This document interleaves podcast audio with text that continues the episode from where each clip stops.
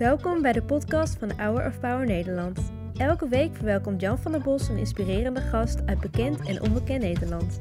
We luisteren hier wekelijks een nieuw interview.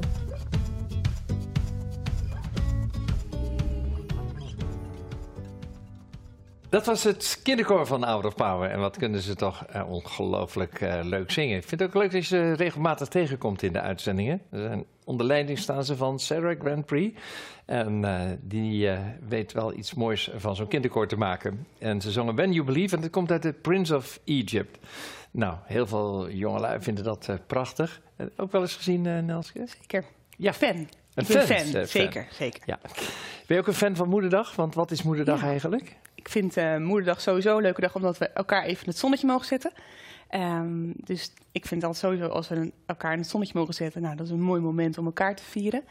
Ehm, maar ik realiseer me ook heel goed dat het een dag is die voor sommigen ehm, nou ja, ook wel pijnlijk kan zijn. Hè? Dat bepaalde dromen niet zijn uitgekomen of dat je te maken hebt met verlies eh, van een dierbare. Dat kan extra confronterend zijn op deze dag. Maar ik denk bovenal dat we, nou ja, hoe je de dag ook ervaart, dat we dankjewel mogen zeggen. En dan met name tegen misschien onze biologische moeder, ehm, pleegmoeder, geestelijk moeder, noem het maar op. Ja. Ehm, dat, je, dat je stil kan staan bij het feit wat iemand voor je heeft betekend in je leven tot dan toe. En daar eh, aandacht aan kan schenken. Vind ik heel mooi. Ja. Je hebt een boek geschreven, daar gaan we het zo meteen over hebben. Maar laten we beginnen Ja. waar voor jou een kantelpunt in je leven kwam. ja, in het najaar van 2013 bereikte ik een eh, dieptepunt. Waar ik het eh, niet langer op kon brengen om die stoere, sterke Nelske te zijn. Die was je dat? Ik denk het wel. Tenminste, Ja? ik hoop het wel. Ja, Eh, ja. eh, Zit hier nog een stoere sterke? Ja. Zo lijkt het dan. Ja, ja. Maar wat het verschil met toen was, was dat ik het idee had dat dat een soort missie moest zijn voor mij. Waarbij eh, doorgaan het codewoord was. Hè, dus flink zijn, niet zeuren, volhouden. Dat was wel waar mijn leven op dat moment een beetje om draaide. En waardoor ik ook niet echt stilstond bij hoe het eigenlijk met mij ging. En ehm, nou ja, aandacht schonk aan de onopgeloste zaken in mijn eigen hart. Ja. Ik was druk met dat ik van betekenis wilde zijn en nou ja, een beetje de wereld willen redden, zeg maar, dat idee. Hè? En wat er eigenlijk gebeurde was dat ik op een gegeven moment in die periode een dieptepunt bereikte waarbij ik eh, ehm, nou, belangrijke vriendschappen verloor, waarbij ik mijn baan verloor, ehm, waarbij ik mijn woning verloor en eh, uiteindelijk ook een... Je noemt wel even wat heftige dingen op, zeg. Ja, dat was best wel een intense periode. Ja. Ja.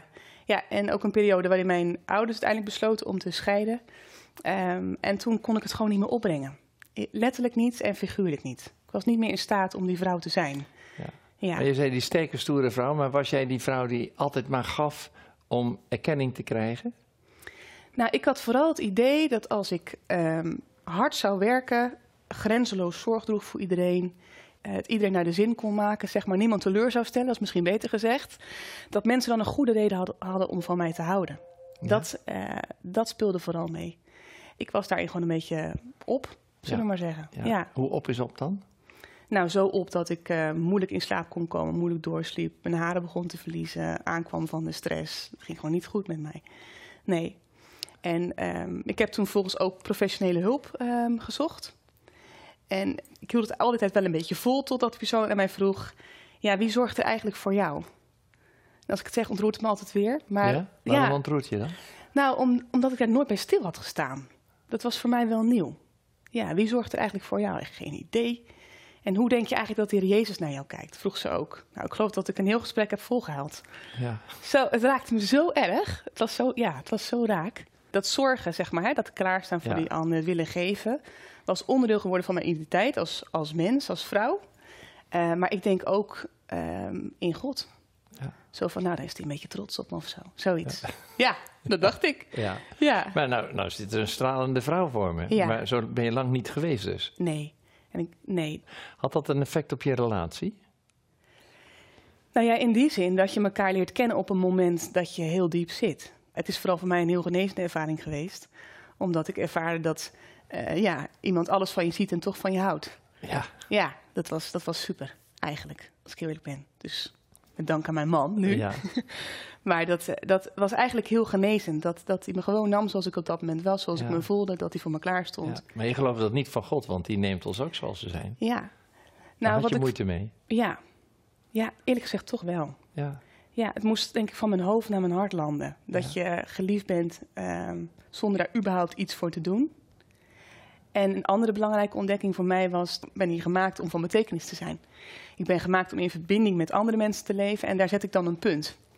Maar ik heb ontdekt eigenlijk de laatste jaren dat het een komma mag zijn. dat omdat je... Ja, maar, maar hoe zet je die komma dan? Goeie vraag. Nou, ik denk het belangrijkste is, de komma staat er omdat we eerst moeten ontdekken hoe we zorg dragen voor onze eigen behoeften en daar ook verantwoordelijkheid voor nemen. Uh, op het moment dat we dat doen, zijn we in staat om ook weer van betekenis te zijn voor die ander. En dan komt wat mij betreft het mooiste, dan leer je ook onvoorwaardelijk te geven zoals Jezus dat deed. dat, dat, dat hij niet gaf omdat hij gezien wilde worden, of dat hij gaf omdat hij, um, nou ja, omdat dat zo verwacht werd, zeg maar, van hem verwacht werd. Um, maar dat je het echt oprecht doet, zonder daar iets voor terug te willen, zeg maar. Ja, dus voor mij is die komma heel erg vooral het besef geweest en een, een stukje bewustwording.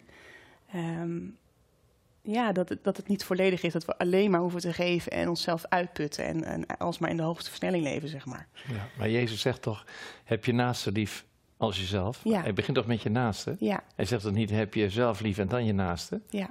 Dus het komt toch in die volgorde, of ja. heb ik het mis? Ja, maar wat ik de Jezus vooral zag doen in de Bijbel, dat vond ik zo mooi daaraan. Want zo heb ik het ook heel lang bedacht. Dat ik ja. denk, ja, zo hoort het toch. Um, dat de Jezus voor belangrijke momenten of voor belangrijke, voordat hij belangrijke keuzes maakte in de Bijbel, altijd uh, de tijd nam met God. He, zich even terugtrok of bijvoorbeeld voor de bergreden. Dan neemt hij eerst tijd met God, uh, gaat hij in gebed en daarna maakt hij, nou, doet hij prachtige dingen. Dus dat vond ik voor mij zeg maar het voorbeeld dat ik dacht, ja, wat doet de Jezus eigenlijk? En wat, wat, waarin is hij voor mij een voorbeeld? En hoe geeft hij dat nou eigenlijk vorm? Dat was voor mij een, een belangrijke. Ja, ja. ja. Mannen en vrouwen in de Bijbel. Mannen en vrouwen zijn heel verschillend. Ja, fijn dat je het zegt. ja, dat is een goede ontdekking. Goede conclusie, ja, goede conclusie. Die is nog nooit getrokken. Nee. nee. Vertel jouw mening daarover. Nou, ik denk sowieso dat als je het hebt over hè, dat het soms makkelijker is om te geven dan te ontvangen, dat dat zowel voor vrouwen kan gelden als voor mannen. Um, we hebben natuurlijk ook te maken met een cultureel aspect, hè, waarbij we van mannen nou ja, toch wel regelmatig wordt verwacht dat ze stoer en sterk zijn. Um, en van vrouwen is het, nou ja, dat is wat generalistisch gezegd en heel kort door de bocht nu, maar dat ze toch wel wat zorgzaam zijn. Hè? Zorgzaamheid is wel een, een, een karaktertrek die we soms of regelmatig bij vrouwen horen. Um, maar ik denk dat het voor beide geldt, als je het hebt over in dit kader, in dit onderwerp, dat je te maken kan hebben met uh, nou ja, moeite als het gaat om meer geven dan wat je aan kan. En dat het sowieso verstandig kan zijn als mens, in het algemeen, om daar eens bij stil te staan. Van, hé, hey, wat, wat uh, kost deze manier van doen mij eigenlijk? Wat vraagt het eigenlijk van mij? Um, ja, op die manier. Dat brengt me bij jouw boek. Je ja. hebt een boek geschreven over Martha, het geschenk van Martha. Ja. Uh, Martha en Maria, twee zussen, die uh, bevriend zijn met Jezus. Ja. vertel eens even de context van het verhaal. Ja, nou, de heer Jezus komt op bezoek met zijn discipelen bij Martha en Maria, waarbij hij daar gaat eten. En Martha die vertrekt eigenlijk al vrij snel naar de keuken, hè, die is druk in de weer, is erg druk met het verzorgen van haar gasten, lijkt wat afgeleid te zijn. En Maria maakt een andere keuze, namelijk aan de voet van Jezus. Die neemt de tijd om van hem te leren, naar hem te luisteren. En op het moment dat het Martha vrij hoog komt te zitten, tenminste dat stel ik me dan zo voor, um, spreekt ze Jezus aan op het feit dat haar zus daar gewoon een beetje zit en zij al het werk verricht. Ja, ik kan me er helemaal ik alles ook. bij voorstellen. gek worden. Ja. Maar goed, um, ja, dus, dus uh, daar spreekt de heer Jezus op aan. En vervolgens uh, vertelt de heer Jezus haar dat uh, Maria hè, de beste keuze heeft gemaakt. En dat die keuze haar niet ontnomen mag worden. Um, en waar ik altijd zo benieuwd naar ben, is ja, wat dan? Hè? We lezen niet ja. hoe Martha daar dan op reageert. Um, Gingen de discipelen met een lege maag weg? Nou, ik wou zeggen, ja. ja. ja. en wat ik vaak heb gedacht is... Ja, Maria wordt zo nou ja, bijna verheerlijkt hè, ja. voor haar keuze. En de heer Jezus zegt ook nog eens dat het een goede keuze is. Ja. Dus ja, als hij het zegt, is het wel belangrijk om op te letten, dacht ik zo. Hè? um, maar um, um, het boeiende vind ik, is dat Martha wel al het werk verricht. Ja. Inderdaad, wat je zegt, als Martha niks had gedaan, ja, dan had niemand iets te eten gehad. Want Maria zit, uh, nou ja, die zit te zitten, zeg maar. Ja. Hè? Um, dus we hebben ook veel aan haar te danken. En we lezen natuurlijk later in het uh, Lucas-evangelie ook onder andere dat um, Lazarus uh, komt te overlijden hè, na een ziekbed. En uh, dat um, en Maria appelden op de Heer Jezus om nou ja, eerder daarvoor al terug te komen. En die Jezus komt uiteindelijk als Lazarus al vier dagen is overleden. En dan wijst hij hen op het feit dat hij Lazarus uit de dood op zal laten staan. Nou, dat is een van de meest bijzondere wonderen die de Heer Jezus heeft gedaan, wat mij betreft. Ehm, en dat maakt zij mee, dat maken zij mee. Ja. Dat maakt het wat mij betreft ook een heel bijzonder verhaal. Ja. Ja, Jij hebt als koptitel eh, meegegeven wanneer geven makkelijker is dan te ontvangen. Ja. Het geschenk van Martha. Wat Ja. is dan het geschenk van Martha? nou ja, kijk, Martha wordt vaak een beetje weggezet als de vrouw die ehm, ehm, de verkeerde keuze maakt, afgeleid is, zich verliest in drukte eh, en in het gastvrij willen zijn, et cetera.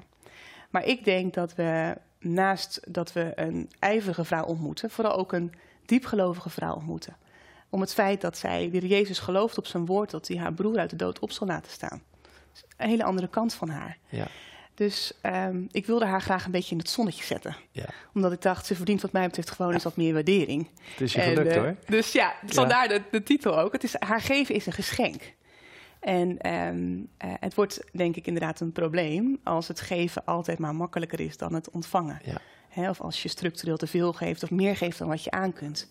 Eh, daar gaat het boek ook heel erg over. Maar in de eerste plaats is het iets moois. In haar geven zit iets vriendelijks, een soort goed bedoelde eh, gulheid. Van eh, iets voor de ander willen doen, van betekenis willen zijn. Ja. Trek de lijn eens door naar Moederdag nu en Martha. als moeders hebben we soms ook de neiging om alsmaar door te gaan. En om alsmaar door te rennen. En eh, met iedereen bezig te zijn en onszelf misschien een beetje uit het nou ja, oog te verliezen, zeg maar. Ehm, er zit iets heel moois in, hè? in het geven zit iets moois. Maar het is ook nodig om af en toe even stil te staan. En ehm, ja, te onderzoeken of en in hoeverre je in de hoogste versnelling leeft. En ehm, hoe lang je dat al doet. En wat die manier van doen je eigenlijk kost.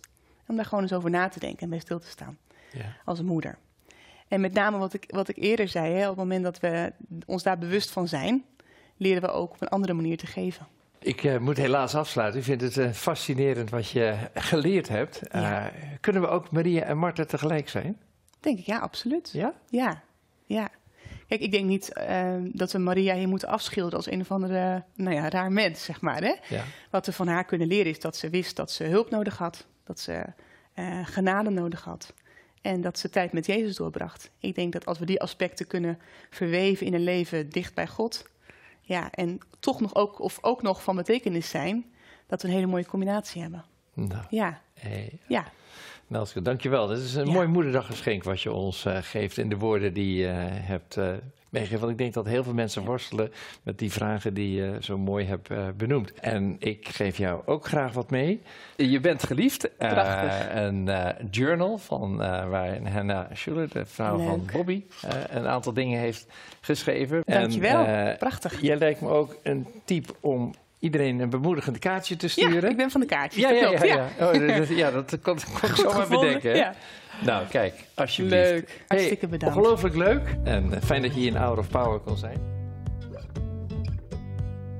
Bedankt voor het luisteren naar het interview van deze week. We hopen dat dit verhaal jou heeft bemoedigd. Wil je meer weten over Hour of Power of andere interviews bekijken? Ga dan naar www.hourofpower.nl